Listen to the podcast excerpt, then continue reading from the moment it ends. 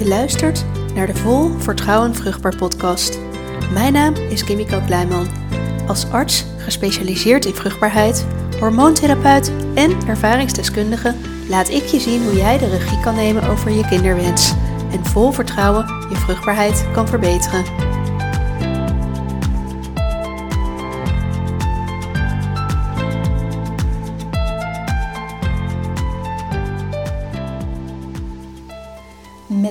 Podcast kan ik natuurlijk niet om mijn eigen kinderwensperiode heen.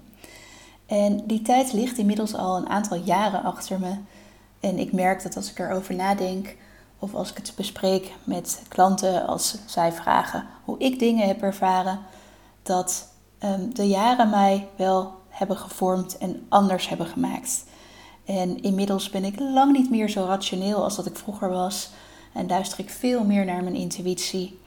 Um, dus sommige dingen ben ik ook echt een beetje vergeten hoe dat destijds voor me voelde. Maar toch wil ik jullie meenemen door die periode.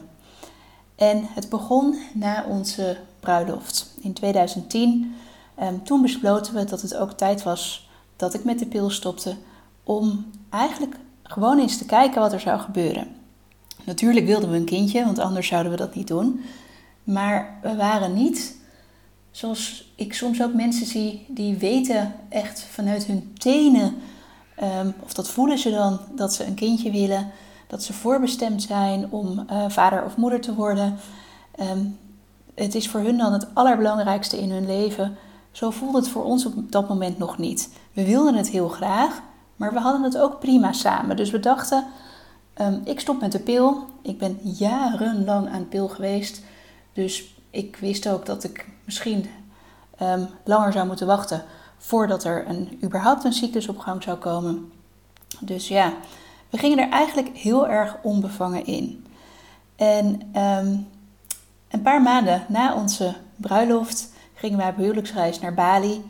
En Bali is echt mijn, ja, ik, ik heb iets speciaals met Bali. Ik kan het misschien niet eens helemaal goed uitleggen, maar wij waren daar eerder geweest. En de eerste keer dat ik daar landde, nou, het voelde gewoon alsof ik het kende, alsof ik eerder geweest was.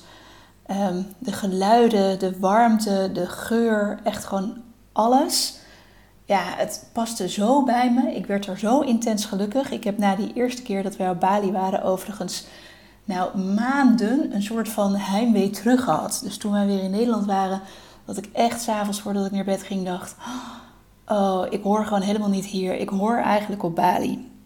Dus ja, wat dat eiland precies met mij doet, kan ik niet goed uitleggen. Maar dat was wel wat ik voelde. En op huwelijksreis gingen we dus opnieuw naar Bali. En daar had ik voor het eerst van mijn leven na maand 1 proberen om zwanger te worden een positieve zwangerschapstest in handen. Nou, dan kan je je wellicht voorstellen dat ik dacht: dit is het, zo moet het zijn, dit is voorbestemd. En ik had er eigenlijk ook nooit bij stilgestaan dat het ook wel eens niet goed zou kunnen gaan, ondanks dat ik op dat moment um, promotieonderzoek deed en in het AMC werkte en als arts natuurlijk ook al jaren verloskunde had gedaan. Dus ja, je zou denken, je had toch wel wat achtergrondkennis. Ja, maar ja, op de een of andere manier, het voelde gewoon heel goed. En die timing was natuurlijk fantastisch. Ehm, maar toen wij thuis kwamen, na onze huwelijksreis en um, ik weer in het eh, AMC aan de slag ging, liet ik daar bij een week of zes, zeven, een beetje vroeg, maar goed, ik was zwanger en ik was nieuwsgierig, um, liet ik een echo doen door een collega. En daar bleek um, dat ons vruchtje, het werd wel in de baarmoeder gezien, maar het had geen, had geen hartactie. En ik kan me niet eens meer heel goed herinneren of ik daarna nou nog een week later een tweede echo heb gedaan. Om het te bevestigen of dat het meteen al duidelijk was. Dat zijn echt van die ja, details die ik eigenlijk in de loop der jaren ben vergeten. Um, maar hoe het ook zij, het was geen goede zwangerschap. En aanvankelijk heb ik geprobeerd om die zwangerschap um, of de miskraam op te wekken, zo kan ik het beter zeggen, met um, pillen. En ik herinner me nog dat ik dat in het weekend deed. Dat leek me wel praktisch, want op het moment dat je met um, pillen een miskraam opwekt en je krijgt bloedverlies, ja, dan wil je dat het liefst niet door de week als je moet werken. Je wil het het liefst ook niet s'nachts. Dus ik had daar rekening mee gehouden met het tijdstip waarop ik die pillen had ehm, ingebracht. En nou ja, de volgende dag er gebeurde echt gewoon helemaal niks. Ehm, en ik weet nog dat ik toen zondagochtend dacht, ja, wat zal ik nou doen? Ik had voor twee keer die pillen meegenomen. En ik zat te twijfelen. Ik dacht, ja, moet ik het nou wel doen? Moet ik het nou niet doen? Ik heb zelfs nog een vriendin die gynaecoloog was gebeld. En die zei, joh, gewoon de tweede gift. Als er nu nog niks is, dan kan het geen kwaad om dat nog een keer te doen. Maar het grappige is dat ik dus aan de ene kant heel erg als dokter dacht... Oké, lekker praktisch, rationeel. De zwangerschap is niet goed. Nou ja, oké. ik was er vooraf niet van uitgegaan. Maar achteraf dacht ik, ja, het is misschien ook niet zo raar. Hè, want er zijn natuurlijk meer vrouwen met een... Met een, met een miskraam, bij wie het niet in één keer gelukt om doorgaand zwanger te worden. Maar toen ik met die pillen stond, dacht ik: wat moet ik nou eigenlijk doen? Wat is nou slim? Nou, daar was dus mijn vriendin, de gynaecoloog, de hulplijn voor. Echter, ehm, het mocht niet baten, want ook met die tweede gift van die pillen kreeg ik geen miskraam. En dan kan je nog langer afwachten, maar ik heb uiteindelijk gekozen voor een curettage. Um, nou moet je weten dat ik niet heel erg pro-opereren ben. En al is een curettage misschien zelfs maar een relatief kleine ingreep. Ik stond niet te springen. Ehm, maar goed, ik dacht, het moet er toch uit. Het is niet goed. Mijn lichaam doet het blijkbaar niet zelf. Althans niet het afstoten nu. Ehm, dus ik ging voor een curettage. En dat was eigenlijk, nou zeker achteraf misschien nog wel een beetje grappig. Want ik kon kiezen uit twee tijdstippen. En het tijdstip dat mijn man het beste uitkwam, was het tijdstip dat mijn, um, de promotor, een van de promotoren van mijn proefschrift, de hoogleraar, die had die dag, um, op, stond hij op elkaar. En toen dacht ik, nou, dat is misschien niet de allerbeste combi dat ik mijn curatage laat uitvoeren door mijn eigen promotor. En ehm, misschien liet hij het uiteindelijk door iemand anders doen. Dat, dat, dat weet ik niet. Dat zou natuurlijk ook nog kunnen dat er een, uh, een artsassistent was die, die de curatage voor hem deed. Geen idee.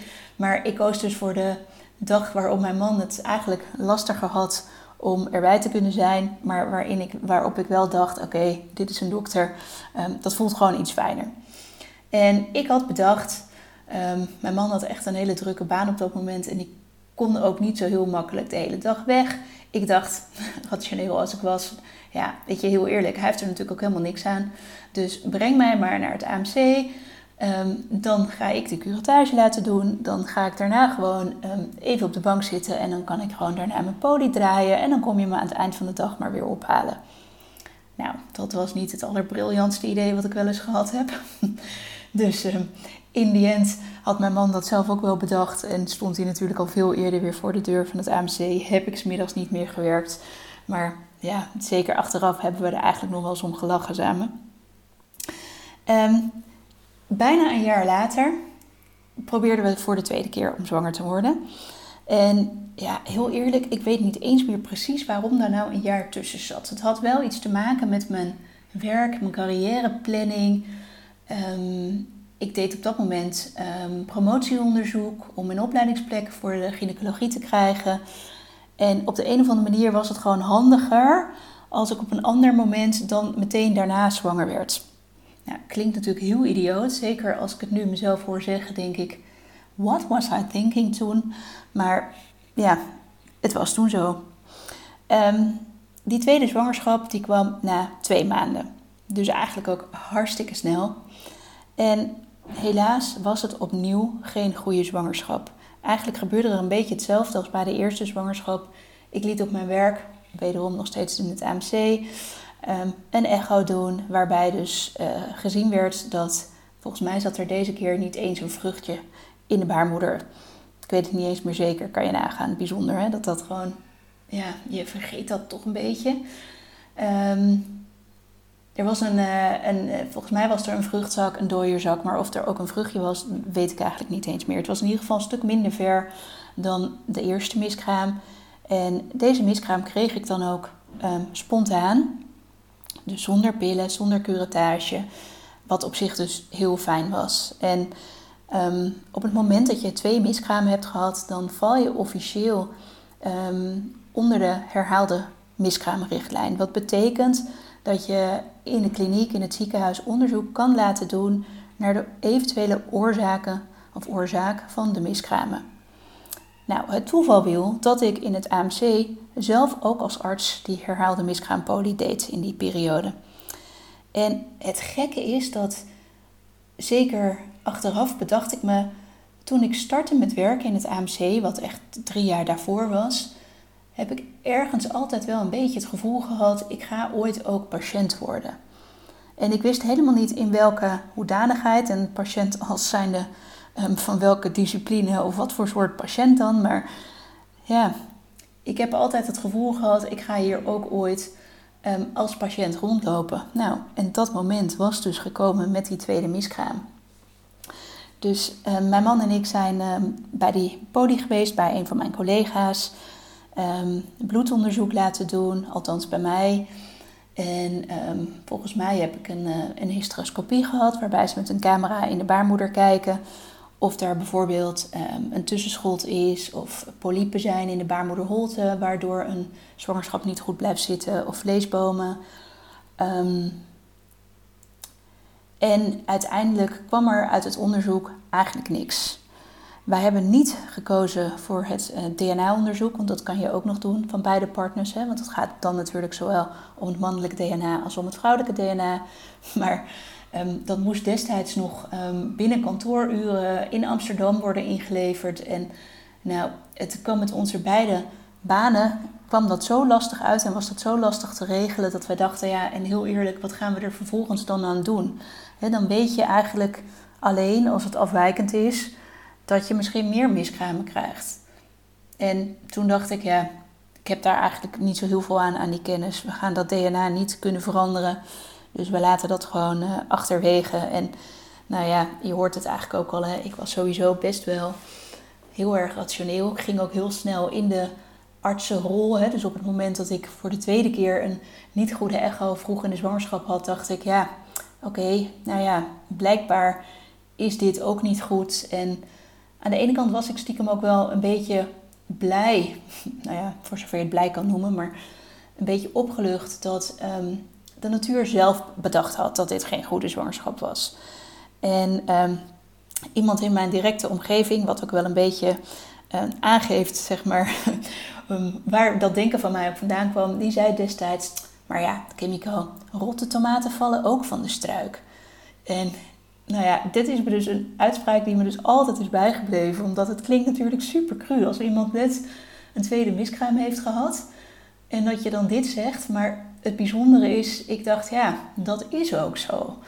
En de natuur doet dan toch zijn eigen ding. En ik was eigenlijk in die zin opgelucht ehm, dat de natuur, dat mijn lichaam zelf in de gaten had dat het geen goede zwangerschap was. En ik had natuurlijk ook al van, vanuit mijn beroep gezien dat mensen afwijkende zwangerschappen hebben en dan op een later moment in de zwangerschap zelf voor de keuze staan: willen we dit houden? Moeten we dit laten afbreken?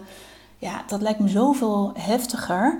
Ehm, althans, voor mij. Hè? Ehm, ik kan niet spreken over hoe het voor andere mensen voelt. Maar ik dacht alleen maar: oké, de natuur heeft hier besloten. En nou ja, ik ga daar dan dus mee. Ik had ook niet heel veel keuze natuurlijk. Um, wat ik natuurlijk wel een beetje jammer vond, althans, er werd geen oorzaak gevonden. En dat gebeurt eigenlijk heel weinig. Ehm, bij herhaalde miskraam, volgens mij is um, ongeveer 75% van de gevallen wordt er geen oorzaak voor gevonden. En ehm, ik dacht toen wel, ja, maar ja, als ik niet weet waar het aan ligt, wat kan ik dan doen om het te verbeteren? Want ik praat er heel rationeel over. Ik was er toen ook wel redelijk rationeel, stond ik erin. Maar je gaat natuurlijk toch stiekem een beetje denken van ja, als het nou überhaupt nooit lukt, als het nou misschien gewoon helemaal niet kan. Want waarom? Ehm, ik was toen nog, nou ja, het is maar wat je noemt, maar relatief jong. Ik was um, ten tijde van die tweede miskraam, was ik, even nadenken hoor, 32 jaar. En dan ga je toch een beetje nadenken van waar zou het nou aan kunnen liggen? Ehm, is er toch niet iets wat ze niet hebben onderzocht waar het misschien door komt? En nou ja, voor mij als dokter natuurlijk, en op dat moment deed ik ook promotieonderzoek, dus ik was gewend om naar literatuur te kijken, om veel te lezen, um, dacht ik natuurlijk, wacht, misschien kan ik um, een oorzaak vinden zelf, of in ieder geval ehm, bedenken wat ik zou kunnen doen om het voor een derde keer ehm, ja, wel een doorgaande zwangerschap te laten zijn. Voor zover je daar zelf natuurlijk invloed op hebt. Want in die end hè, blijft er natuurlijk ook altijd een factor. Ja, ik, ik noem het het grotere geheel, het grotere plan, de natuur. Uh, noem het geluk, noem het geen idee hoe je het wil noemen. Maar nou ja, weet je, er waren in ieder geval natuurlijk wel een paar dingen die ik kon doen om te gaan kijken van hoe kan ik dit um, voor mezelf, voor een volgende zwangerschap optimaliseren. En ik heb heel gelezen, heel veel gelezen, veel literatuur gelezen. Um, ik ben naar mijn voeding gaan kijken, heb daarin dingen aangepast. Ik ben wat um, specifieke supplementen gaan slikken, waarvan ik in de literatuur had gezien dat ze nou, niet direct een super fantastische evidence hadden hè, voor mensen met, eh, met herhaalde miskramen. Want dan zou iedereen ze wel nemen. En had ik natuurlijk zelf niet naar hoeven kijken. Dan werd het gewoon vanuit de kliniek geadviseerd. Maar waarvan ik wel zag dat er in een aantal studies toch wel een trend was naar een gunstig effect bij miskramen. En misschien niet zo keihard duidelijk bewezen dat het voor iedereen, zeg maar, die onderzocht was, um, werkte, of voor iedereen, maar in ieder geval dat er echt gewoon een groot significant effect was, dacht ik, ja, het is allemaal leuk, maar als er geen bijwerkingen zijn, geen negatieve effecten te verwachten zijn en misschien wel een positief effect, ook al is het niet heel erg groot, um, ja, als het mijn kinderwens is, wil ik het wel proberen. Dus op die manier ben ik echt gaan kijken naar wat kan ik zelf nou doen. Ik heb in die periode ook um, contact weer gezocht met een oud studiegenootje van mij. En ehm, zij werd toen opgeleid, net als ik, als arts. Maar zij was toen ook al bezig met de klassieke Chinese geneeskunde. Dus ze deed eigenlijk twee richtingen tegelijk om een hele gedegen achtergrond te hebben. En bij haar ging ik langs voor um, Chinese kruiden en voor acupunctuur. En in die periode kwam ik via via Ehm, bij een Ayurvedisch arts terecht, waar ik ook een aantal keer ben geweest. En dan merk je eigenlijk, hè, ondanks dat ik nou ja, in die periode in mijn promotieonderzoek zat en eigenlijk een hele, hoe moet je dat zeggen, regulier opgeleide dokter ben, die ehm, echt ja, houdt van meten is weten en, en evidence-based. Op het moment dat het je eigen kinderwens is, ja, voor mij maakt dat echt wel heel veel dingen anders. En ik dacht, weet je, baat het niet, dan schaadt het niet. Ehm, en natuurlijk ook wel gewoon met een beetje logisch verstand. Hè? Want je, kan ook dingen doen waarvan je dat kan betwijfelen. Maar in dit geval, ehm, en zeker met mijn medische achtergrond, kon ik hier wel van zeggen: Nou, ik ga dit, ik ga dit gewoon proberen. En ehm, je weet het maar nooit. Maar ja, met niks doen, ja, weet je ook niet wat je verandert. Dus in die jaren, of ja, nee, dat was geen jaren. In die maanden, ik zal het niet overdrijven, in dat jaar ehm, heb ik vooral ehm, nou ja, gelet op dit soort kleine dingen. Ehm, en wat vooral als ik er nu over nadenk, die jaren typeerde, was eigenlijk dat ik toch ook wel heel erg veel bezig was met mijn carrière.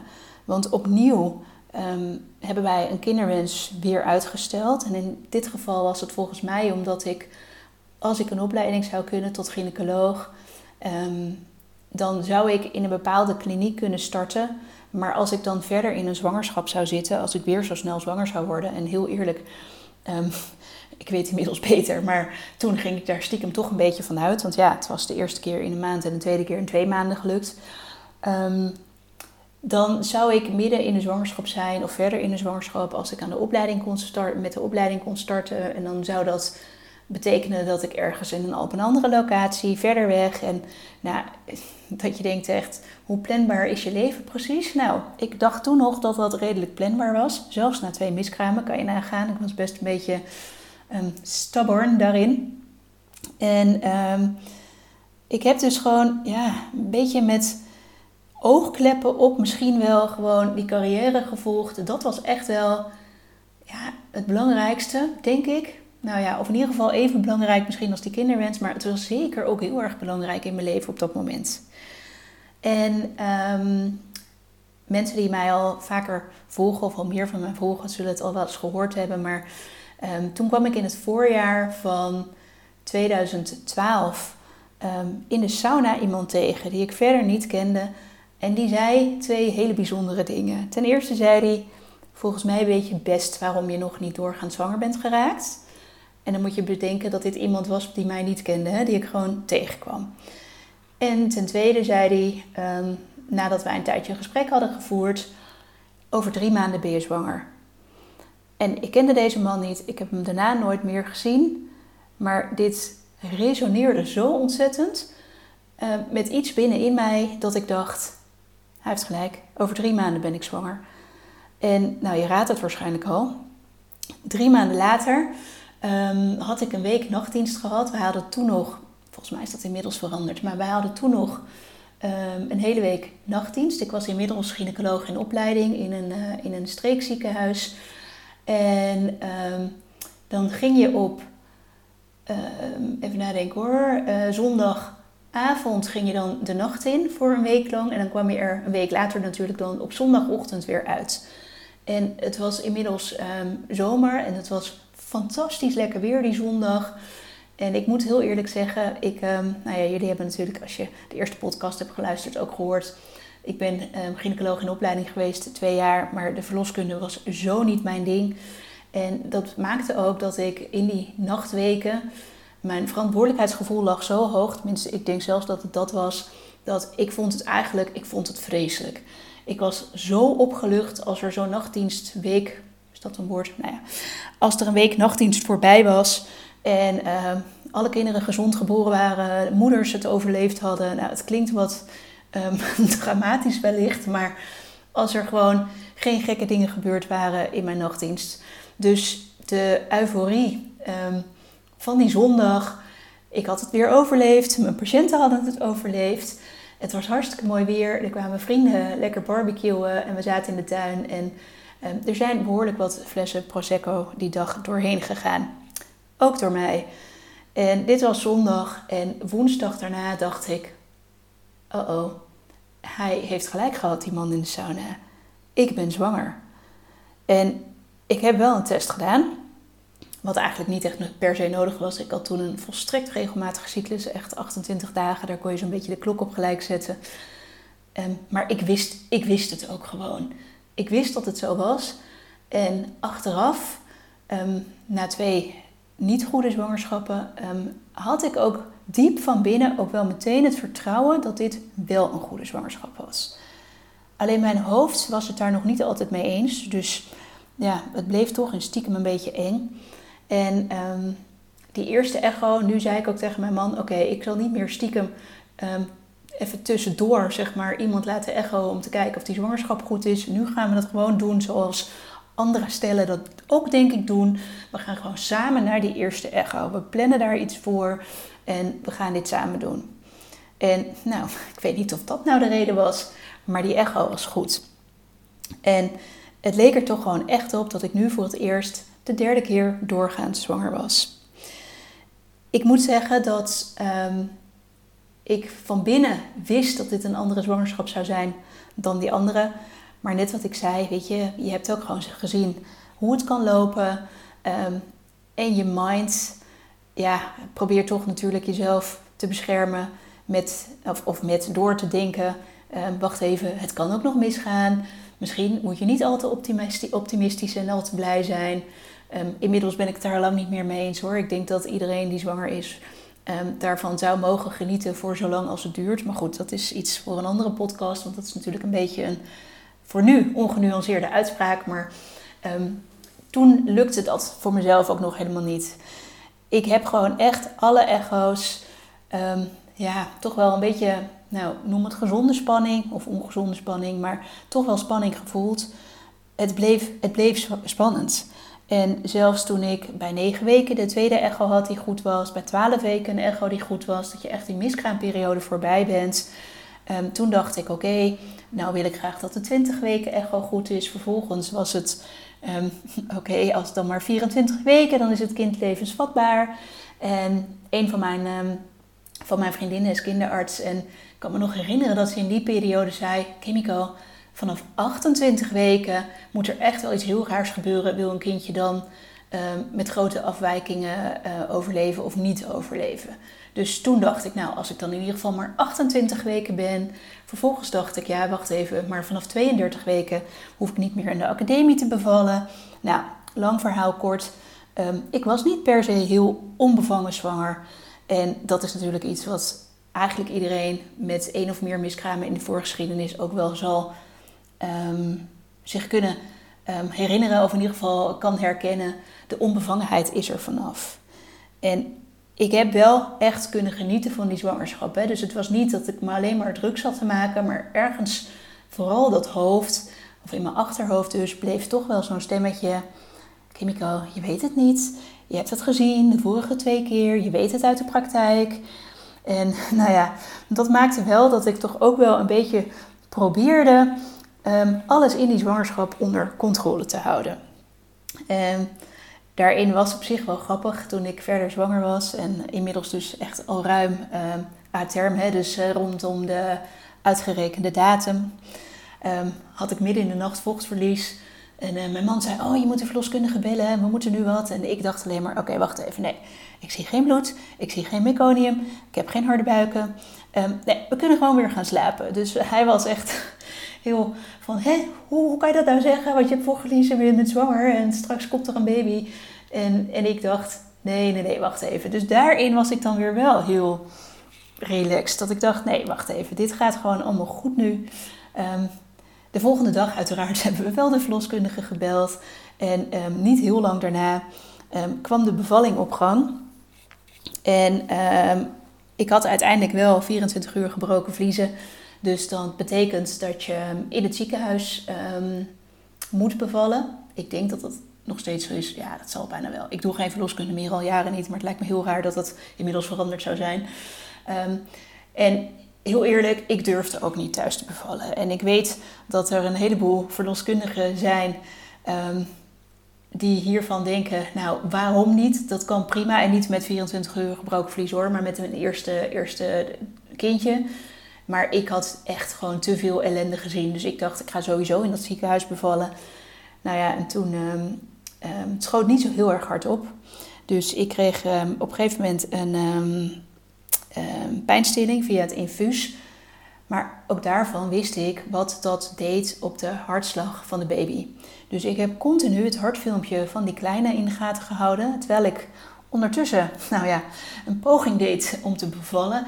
En op een gegeven moment uh, stagneerde de baring, wat misschien helemaal niet zo raar was als je bedenkt dat ik eigenlijk gewoon continu toch ja, niet alleen de patiënt of de barende was, maar stiekem ook een beetje de dokter probeerde te zijn. En ik kan me nog herinneren dat midden in de nacht op een gegeven moment um, um, de verloskundige of de gynaecoloog die dienst had, die zei: En nu is het afgelopen. We draaien dat hartfilmpje de andere kant op. Je kan niet meer meekijken. Je gaat nu gewoon baren zoals dat bedoeld is. Nou, in die end um, werd dat een keizersnede. Um, door het niet vorderen. Onze zoon was niet heel erg klein. Ik ben zelf niet zo heel erg groot. En hij lag ook nog eens in AAA, dus um, als sterrenkijker. Ja, die combinatie dat maakte dat het uiteindelijk vaginaal niet gelukt is.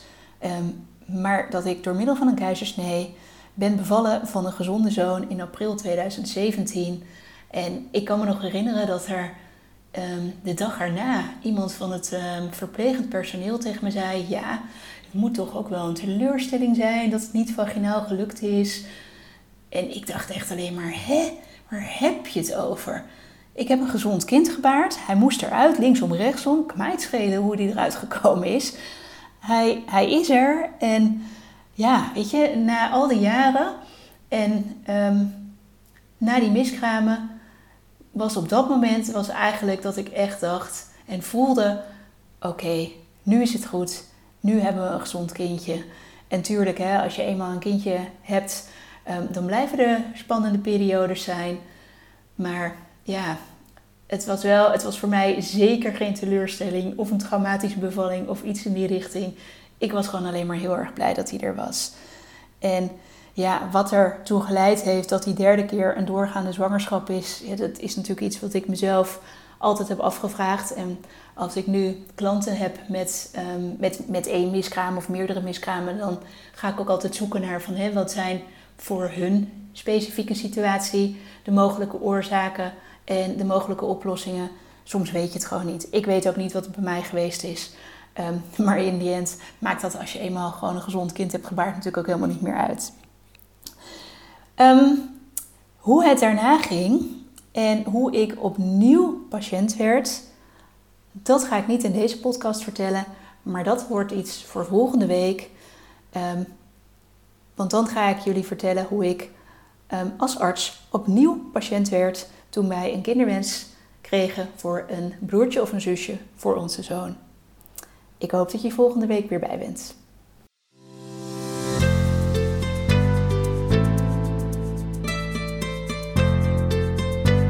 Leuk dat je luisterde naar de Vol Vertrouwen Vruchtbaar podcast. Ik hoop dat ik je heb mogen inspireren om op een andere manier naar jouw vruchtbaarheid te kunnen kijken, zodat je kan ontdekken wat jij kan doen om jouw grootste droom werkelijkheid te laten worden. Wil jij geen aflevering meer missen van deze podcast? Abonneer je dan in de podcast-app waar je nu deze podcast luistert. Je kan daar ook meteen een review achterlaten om mij te laten weten wat je van de podcast vond.